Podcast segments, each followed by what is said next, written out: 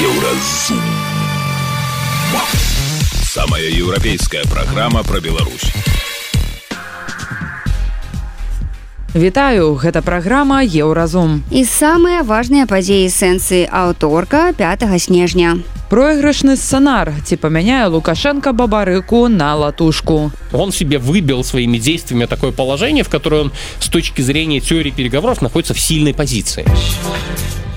Китайские яблоки. Навошта Лукашенко ездил у Поднебесную? Скорее всего, Лукашенко каким-то образом пытается доказать, что китайскому транзиту через Беларусь ничего не угрожает. Чаму Украина по-ранейшаму робіць стаўку на полк Каліноўскага? Они шли сюда а, для того, чтобы потом освобождать Беларусь, а не умереть за там киевские пагорбы. Пра гэта ды іншае больш падрабязна цягам бліжэйшай гадзіны.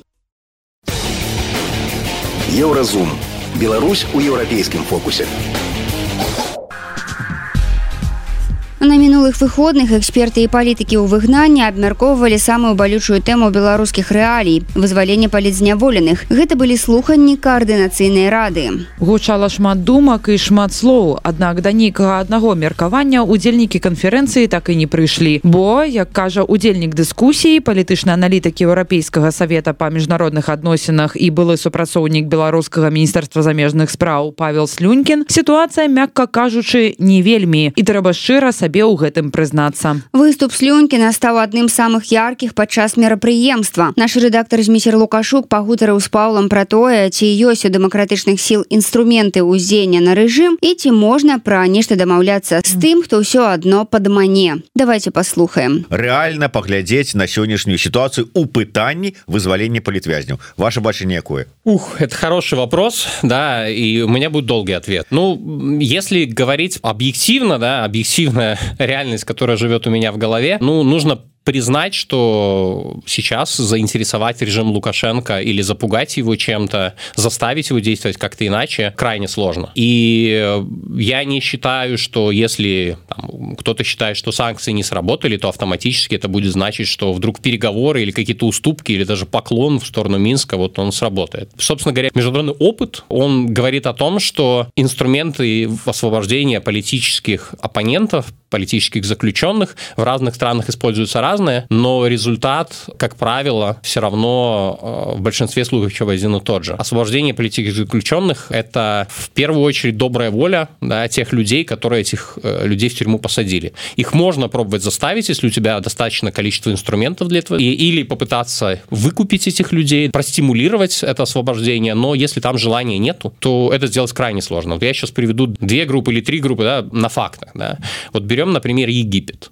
В этой стране, по оценкам некоторых правозащитников, более 65 тысяч политических заключенных. 65 тысяч. Каждый год там выпускают из тюрем по помилованию. В 2021 году выпустили 1600 с лишним человек, в 2022 году 1300 с лишним человек. При этом 65 тысяч остальных остаются в тюрьме. У президента Египта три дня назад он э, на полях УАЭ, где был, собственно говоря, Александр Лукашенко, он встречался с премьер-министром Риши Сунаком. Там же он встречался с Камалой Харрис, вице-президентом США. У него были встречи с Шарль Мишелем. Как бы легитимность, да, его признают все эти люди санкций против президента Египта или против Египта нет. И что? Вы считаете, что ни, никто не просит освободить этих людей из тюрем? Или эти темы не поднимаются? Поднимаются, но люди продолжают сидеть в тюрьме. Возьмем другой пример, ближе к нам, да, Туркменистан. Постсоветское пространство, тоже жесткая власть, жестокая власть. Там ограничения постоянно такие, да, не только на политическую деятельность, на любую критику правительства, да. Мы не знаем, сколько там реально людей находится в тюрьме, правозащитники просто не могут назвать даже приблизительное число, но по их подсчетам 162 человека просто исчезли за стенках, да. Возможно, они мертвы, возможно, живы, и об этом никто не знает. Есть подтвержденные случаи, когда уже точно люди там умерли или были убиты. Есть случаи, когда люди, сроки закончились их, да, они были огромными сроками, очень длительные сроки, и вроде как дело не продлевалось, и новых дел на них не заводилось, но они не вышли из тюрьмы. Вот просто человека не стало. И непонятно, знаю, его осудили снова или убили там, есть он там или нет, вообще где он. Ну, вот таких случаев тоже десятки. Ну, президенту Туркменистана верительные грамоты вручают. Все послы. Проблем с международной коммуникацией у него тоже нет. У него тоже есть разговоры, звонки с разными э, представителями, да, он встречался с Меркель, встречался с Шольц, а с Шарлем Мишелем встречались разные президенты, ну, последний, да, отец и сын Берды Мухаммедова. Санкций против Туркменистана тоже нет. То есть диалог об освобождении политзаключенных ведется, годами ведется, но не приводит к результату. А, это к вопросу, да, о том, что не нужно, говоря о жестоком признании реальности, питаться иллюзиями, что если вдруг санкции мы снимем, то вдруг все зацветет, да, добрым цветом. Еще один пример приведу. Менее радикально тоталитарный, да, но Азербайджан. У этой страны тоже все прекрасно с международными отношениями, да, даже несмотря на то, что они вот недавно военным путем вернули или освободили, или захватили, кто как скажет, да, на Горный Карабах. 235 политзаключенных – это рекорд за последние пять лет. За этот год там они дополнительно 31 человека взяли в заложники, по сути, но санкций никаких против них нету. Ограничения есть, законодательство ухудшается, правозащитные организации требуют да, какого-то давления на, на, на Алиева. Но он политзаключенных держит и не собирается отпускать. Ну, а легитимность его никем не оспаривается. И вот мне кажется, важно такие примеры помнить, чтобы еще через три года или через два года, когда вдруг случится то, к чему призывают сейчас некоторые, там, не знаю, отмена санкций, да, или там признание легитимности, еще что-то. Если это не даст результата, ну, важно просто понимать, да, что шанс на это в теоретически или гипотетически есть, но никаких гарантий на это нет. И я на этих слушаниях во время другой панели привел цитату Уинстона Черчилля, которая, мне кажется, очень точно описывает положение, в котором мы сейчас находимся. Уинстон в военное время, он сказал, что военнопленный – это тот человек, который только что пытался тебя убить, у него это не получилось, и теперь он просит, чтобы ты не убивал его. Вот если посмотреть на ситуацию глазами белорусских властей, да, они нас обвиняют там, в экстремизме, терроризме, попытке там, революции, переворота, мятежа. События 2020 года к переменам демократическим в Беларуси не привели. Да? Лукашенко считает, что его пытались свергнуть. Не получилось, он всех наказывает, кто это пытался сделать. Следующий шаг, мы попытаемся санкциями на него повлиять. Вводили разные санкции, даже за, за войну санкции вводились, но результат точно не позитивный. Движения в сторону освобождения политзаключенных нет. Экономика Беларуси, она подстроилась под эти условия, условия, она не скатилась в какой-то коллапс. Внешнеполитическая поддержка у Лукашенко в мире достаточная, да, не западная, но в мире много стран, кроме Запада. Он чувствует себя, мне кажется, и внутри, и внешне э, политически довольно стабильно. И сейчас вдруг люди, которые призывают к переговорам, они говорят, Александр Григорьевич, ну, время, давайте договариваться уже, давайте. Мы вам какую-нибудь э, уступку маленькую дадим, а вы уже освобождаете. И у меня тогда вопрос возникает, ну а почему? Почему это должно быть ему интересно? Давление он пережил, санкции он пережил, а что вы ему в обмен можете дать? Я знаю, что западные страны могут дать в обмен, или что ему предложить, и что ему может быть интересно, а что демократические силы могут предложить. И вот это то, что я озвучил, до чего мы начинали дискуссию сегодня, что в руках реально, что контролируют земсилы. Ну вот э, из того, что интересно может быть Минску, а Минску интересно полная отмена санкций, полное признание легитимности, признание их единственного э, законного статуса, как они считают, представлять э, интересы граждан Беларуси за границей, и отказ отказ от экстремистской деятельности, как они это называют, или поддержку западных стран деятельности. Ну вот и что в руках у Демсил есть? Ну, первое – это признаться в поражении, попросить прощения, сказать, Александр Григорьевич, вы правы, мы прекращаем борьбу против вас, освободите, пожалуйста, людей из тюрем.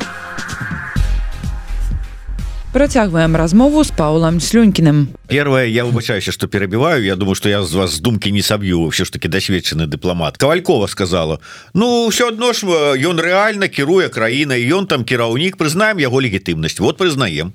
Ну, это то, о чем я, собственно, и говорю. Просто, понимаете, признать легитимность демократических сил Александру Лукашенко, ну, прямо скажем, неважно, признает Светлана Тихановская его легитимность или нет. Или вы, я, Павел Латушка. Ему важно, чтобы его легитимность признавали те, кого он считает своими визави, лидеры других стран. От Демсил я думаю, да, вот повторюсь, да, мысль, что демсилы могут сами сделать, что в теории может заинтересовать Лукашенко. Первое – это вот признание ошибок, признание его легитимности, там, попросить прощения и сказать, все, мы поняли, вы все равно нас победили, освободите пожалуйста людей. Подождите а остановиться на колени и паусти у бок мяжи?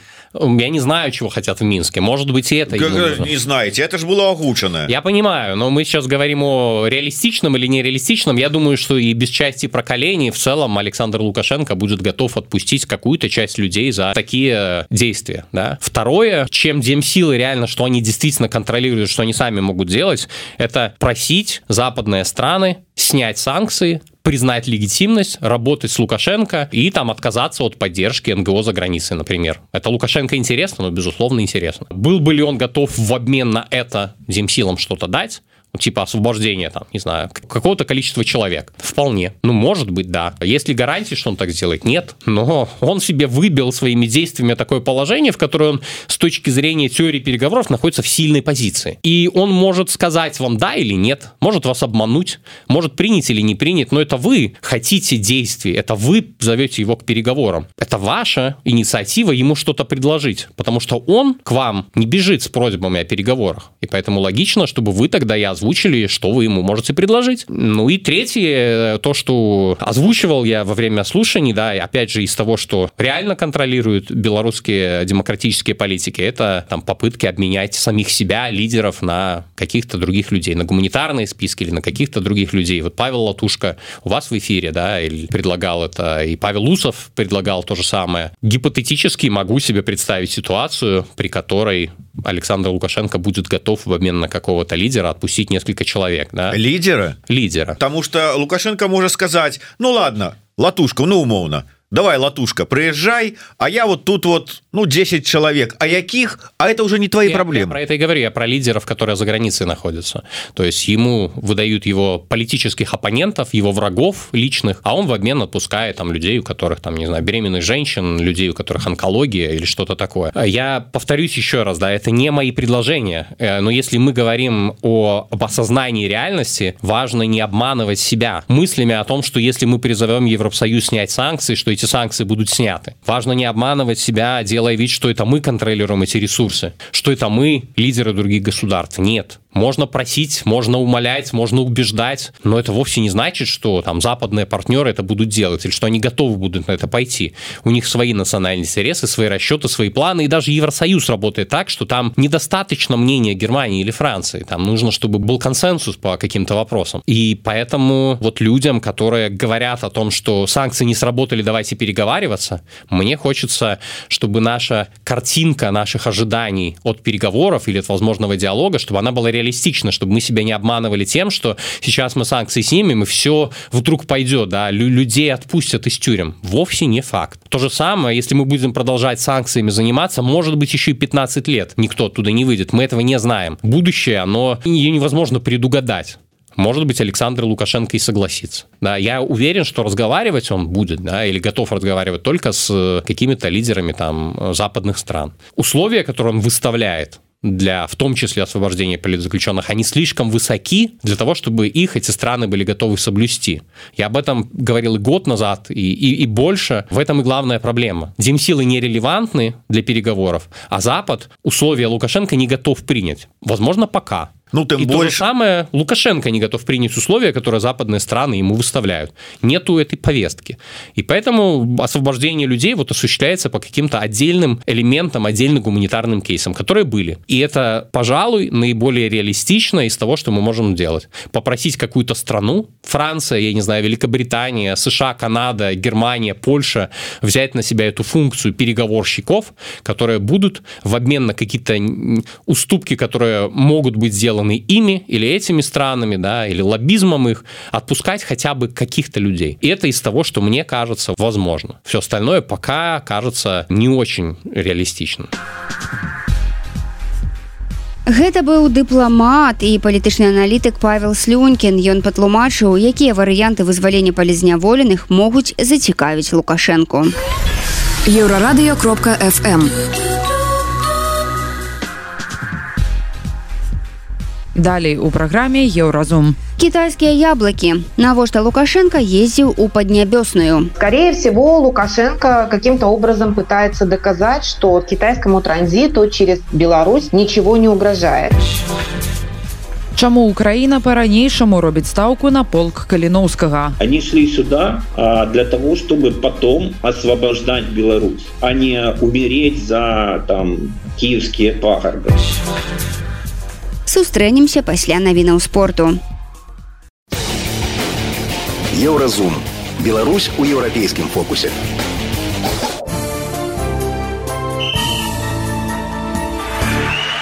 На еўрарадыё навіны спорту. У беларускай хакейнай экстралізе шахцёр перамог у гасцях гомель 3-0. У сельгорцаў стала 50 ачкоў, яны працягваюць пагоню за віцебскаму, якога 52 ачкі.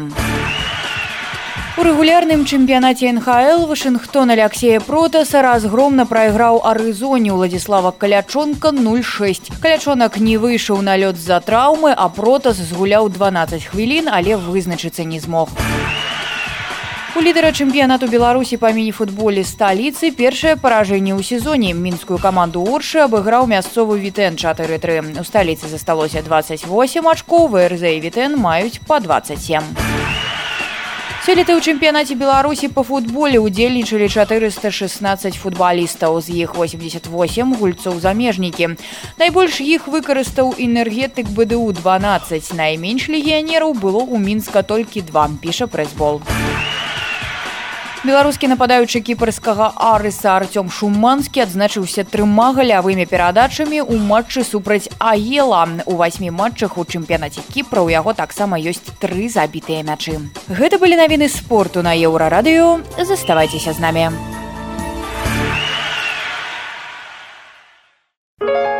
Еўрарадыё. Моц настрою. Падчас візіту ў Пекін Сі Цзіньпін падарыў Лукашэнку кош яблык і карціну, выкананую шаўковай вышыўкай, а колю Лукашэнку спартыўны касцюм. Лукашенко ў сваю чаргу уручыў сі сувеніры з валошкамі, беларускі шакалад і новыя прадукты, якія наша краіна пастаўляе ў Кітай. Ну і не хаваў беларускі кіраўнік свайго трымцення перад кітайскім лідарам. Было відаць, што Лукашенко вельмі рады, што яго прымаюць у пекіне. Пра цікавосткі гэтага візіту і сэнс падарункаў еўрарадыё запыталася ў гісторыкай паліталагіні розы турарбекавай. Но я думаю, на самом деле тут особо тонких намеков нет, ведь это же, в общем, его как бы традиция, да, там дарить, э, как это, э, продукты или изделия, да, э, белорусских предприятий или э, из полей, там фрукты, овощи. Это, я думаю, ему такой ответ, возможно, на что-то когда-то, я так понимаю. А, во-первых, во-вторых, э, ну, это такое подчеркивание, что, наверное, я думаю, что этот визит носил в общем и целом неформальный характер а, и э, просто определенный такой э, малозначащий что жест. А, вот, поэтому я не, не, не знаю, я не люблю, когда я не, не совсем разделяю вот этого мнения относительно того, что там есть какой-то, всегда надо искать какой-то скрытый там символизм, смысл а, все, во всех этих, а, особенно что касается китайских этих самых протокольных вещей, там, возможно, они были, но они от них э, уходят. Э, гораздо важнее, вот что сейчас Китай, как он меняет свою политику и почему случился этот внезапный визит со стороны Лукашенко возможным вот дарэчы э, про гэта і поговорим хотя э, ведаеце все ж таки сімвалізм да і гэта вот э, розныя я не ведаю там ці то это журналісты як заўсёды ва ўсім вінаваты ці палітолагі ці хто там это. Потому что даюць нам картинку якого-нибудь там белага дома візіта і кажуць А вот у тым як тут пастаўлены букеты перад уваходам у белы дом вот тут нейкі сімвалізм скрыты А что уже казаць про Китай который сам увесь нейкі там суцэльны сімвалізм. Тым не менш что за сімвалізм у гэтым візіце? І ці сапраўды ён быў раптоўны і нечаканы і спонтанны я думаю что он был э, случайный в том смысле что у си Цзиньпиня нашлось окно для встречи с лукашенко. Я думаю что лукашенко э, и его э, дипломаты старались каким-то образом попасть в это окно. И, видимо, вот наконец-то окно это изыскалось. Далее как бы все за толстыми дверями, да, сложно сказать, как это было, но удалось как бы найти это окно. Но это лишний раз подчеркивает, что отношения достаточно сложно складываются. Вот, а они не являются такими радужными. Э, визит Лукашенко на вот этот э, саммит «Пояс-путь» он э, не, не был осуществлен, и теперь это понятно, что это было не случайно. Вот. Вопрос, что сейчас произошло или каким образом Лукашенко удалось попасть в график Си Цзиньпиня, и что ему пришлось для этого сделать и пообещать скажем так у вас есть отказ на это пытание я боюсь как бы спекулировать, но мои предположения следующие. Скорее всего, Лукашенко каким-то образом пытается доказать, что китайскому транзиту через Беларусь ничего не угрожает что он делает максимально все возможное, дабы транспортная изоляция не развивалась. По всей вероятности, какие-то, может быть, доказательства или свидетельства этого а, Китай, может быть, получает или получил. Но, а, тем не менее, я так понимаю, что вопрос до конца еще не снят. Хотя а, надо сказать, что Китай достаточно своей именно такой да, китайской манере не прерывает э, контакт э, с Лукашенко, и э, не прервет он э, до последнего, там, если там не, не случится уже какие-то внутриполитические серьезные изменения, не будет прерывать. Э, все их речи сейчас свидетельствуют о том, что они в общем и целом уверились в том, что он контролирует ситуацию в стране, в том, что, скажем, санкции в отношении Лукашенко носят внешний характер, что это характер внешнего давления – но все эти политические заявления, которые делались, на которые делается акцент в белорусских средствах массовой информации, в китайских СМИ их практически нет. Я сейчас еще раз специально открыла агентство Синьхуа. Две фотографии, одна строчка, все. Гісторык Роза Турарбекова патлумачыла, у чым сімвалізм кітайскіх падарункаў Лукашэнку і з чым можа быць звязаны ягоны візіт у паднябёсную. Еўрарадыё. Твоя улюбёная хваля. Далей у праграме еўразум. Чаму Украіна па-ранейшаму робіць стаўку на полк каліноўскага. Они шли сюда а, для того, чтобы потом освобождать Беларусь, а не умереть за там киевские пагарды. Сустрэнемся пасля навінаў шоу-бізу. Еўрарадыё. Твоя улюбёная хваля. Шоу-біз.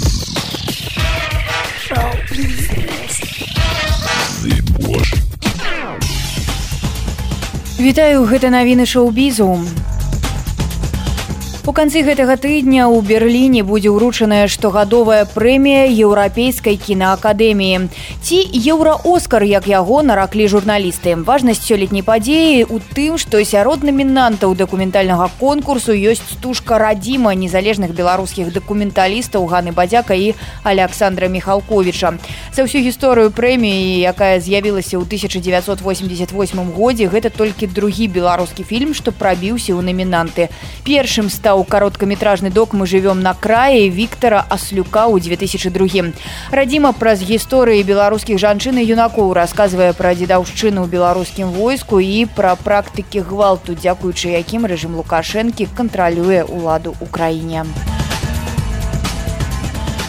Ніколас Кейдж выказаў жаданне засяродзіцца на тэлевізійных праектах за выключэннем тых рэдкіх выпадкаў, калі прадставіцца магчымасць вярнуцца да сваіх любімых роляў у фільмах падобных без асобы ці прывідны гоншчык. Лаўрад прэміі Оскар прызнаўся, што не з'яўляўся фанатам серыялаў, але яго сын нядаўна пераканаў яго ацаніць папулярны серыял ва ўсе цяжкія, які акцёра характарызаваў як цудоўны. Гэта паводле яго слова абудзіла яго цікавасць да работы на тэлебачанні тэлебачанні ў якасных праектах акцёр таксама згадаў што хацеў бы атрымаць досвед працы ў розных тэлевізійных фарматах уключаючы стрымінгавае вяшчанне таму што ацаніў перавагі якія дае серыяльны фармат для персанажа і часовых рамак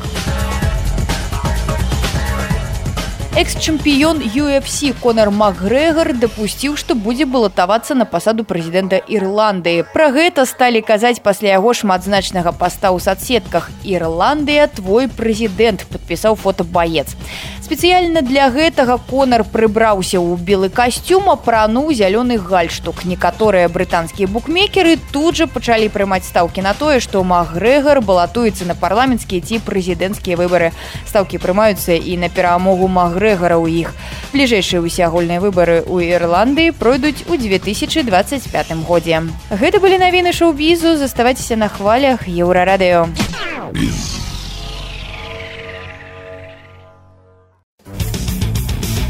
Еўразум жыві ў рытме Еўропы.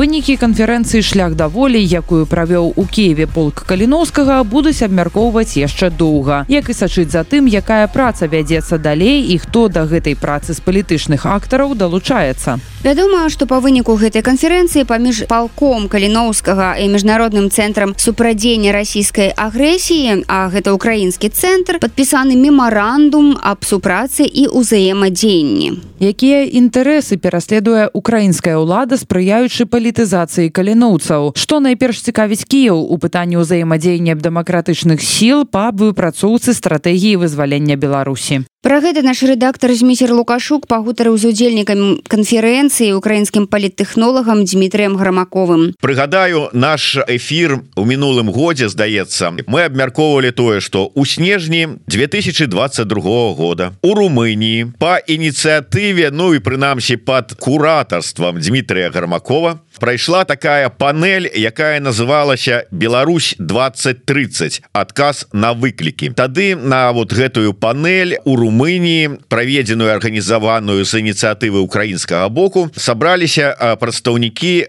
лідары розных структур беларускіх дэмакратычных сілаў. Пасля того як інфармацыя про гэтую панель з'явілася у сМ чамусьці усе сказалі что гэта Кіев ладзіў такія смотрыны для беларускай апозіцыі пазіцыі каб выбраць тую структуру з якой ён надалей будзе супрацоўнічаць на якую зробіць ставку і вот глядзім зараз канферэнцыя беларускіх дэмакратычных сіл у Киеве спадар Дмітрый прысутнічае на гэтай канферэнцыі як і шэраг іншых палітыкаў Украіны прадстаўнікоў там депутатаў Верховнай Рады і гэтак далей там прадстаўнікоў галоўнага управлення разведкі Украіны.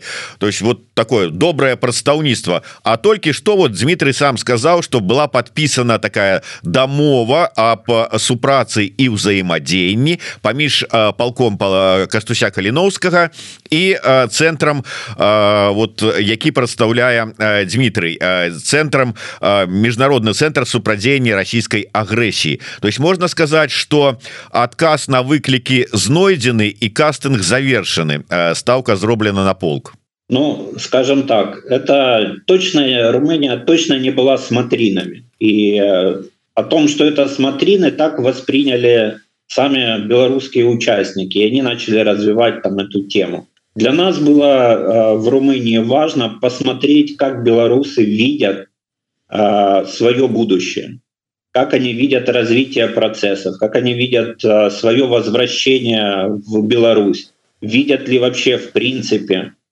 и э, действительно, мы тогда смотрели на то, как будут развиваться процессы и как могут развиваться. Я не был куратором э, того действия, я был организатором этой э, форсайт-сессии. Вот, для того, чтобы мы могли себе сложить картинку, что происходит внутри белорусской оппозиции, из чего она состоит и за что она борется прежде всего. Вот. Э, как бы там ни было, была бы э, сессия в Румынии или не было ее, но пол Калиновского – это э, группа людей, которая действительно воюет в Украине, наиболее близкая к нам и с которой нам удобнее и проще всего работать. Потому что это люди, которые, скажем так, ну, не проговорить, а проделать. Вот но они там сказали, нам нужны танки. Им сказали, берем в бою, оставляете себе. Они захватили там танки, у них есть сегодня у белорусского подразделения есть свои танки, есть свои минометы. Что-то даем, давали им мы, что-то они захватывали вместе с нами в бою. Поэтому э, ну, никаких кастингов точно не могло быть. А вот понимание того, на что способна белорусская оппозиция, за что она борется, нам действительно было нужно посмотреть, э, как это все может выглядеть каких-то и реализоваться в каких-то проектах. Потому что после этого была встреча в Варшаве, где уже присутствовали, да, там тот же Богдан Еременко, наши депутаты, и смотрели, а, как а, реагирует оппозиция, за что она там, на что она готова. После этого был визит а, Латушка в Киев, где ему точно так же сказали, что мы готовы и открыты к сотрудничеству с белорусской оппозицией, с любой, которая Э, приносит практический результат своей деятельности. То есть, возвращаясь к нашему весеннему разговору про Химарсы, эта тема не утратила своей актуальности. И она была подтверждена там и на этой конференции. То есть четко было артикулировано, чего украинская сторона ждет от белорусской оппозиции и на что она настроена. Потому что как бы там ни было, мы живем немножко в другой реальности. В нашей реальности нам необходимы дела, и мы хотим видеть результаты этих дел. Вот. Поэтому, собственно говоря, а, у нас есть понимание какое-то свое сложившееся про белорусскую оппозицию. И ну, вот э, история этой конференции, она же достаточно показательна, и она продемонстрировала, насколько верно мы понимаем то, что происходит. Як бачым наш суразмоўца спадар грамакоў як і іншыя украінскія эксперты і палітыкі некаторыя робяць стаўку на пол каліноўскага як на адзіную беларускую палітычную сілу з якой хочуць размаўляць у Киеве але полк гэта частка ўзброеных сіл Украіны. Якія палітычныя амбіцыі могуць быць у вайсковай структуры якой кіруе Украіна Ну так а тут полк создал себе политическое представительство. Есть э, выбранные на заседание командиров полка политические представители полка. Те, которые ведут всю коммуникацию с политическими э, субъектами белорусских демократических сил. Тот же самый Щегельский, э, тот же самый там, э, Кабанчук. Да, вот сейчас после создания ЧВК это будет Шурмей, Поэтому они рождают своих политических лидеров, которые будут представлять их интересы. С точки зрения э, Украины, ну, Щегельский не есть бойцом ЗСУ.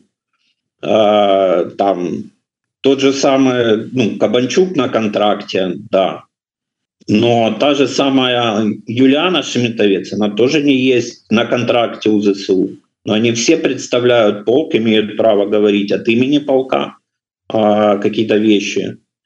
Поэтому, собственно говоря, тут вопрос э, заключается просто в динамике развития, в том, как полк э, становится и как он превращается в эту политическую силу, с какой динамикой он будет и кто будет выступать против этого. И, э, ну, я, например, не знаю, ну, вот по каким причинам представители или ветераны полка не могут участвовать там в выборах в координационный совет, например. Что их остановит?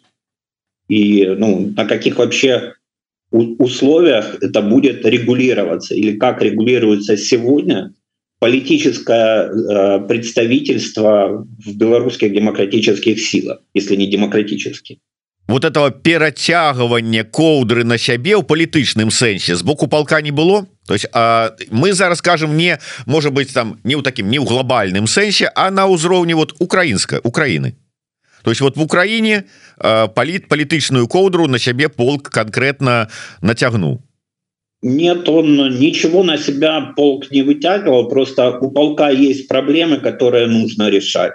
Проблемы с обеспечением, проблемы а, с потоком рекрутов, который сократился. Да?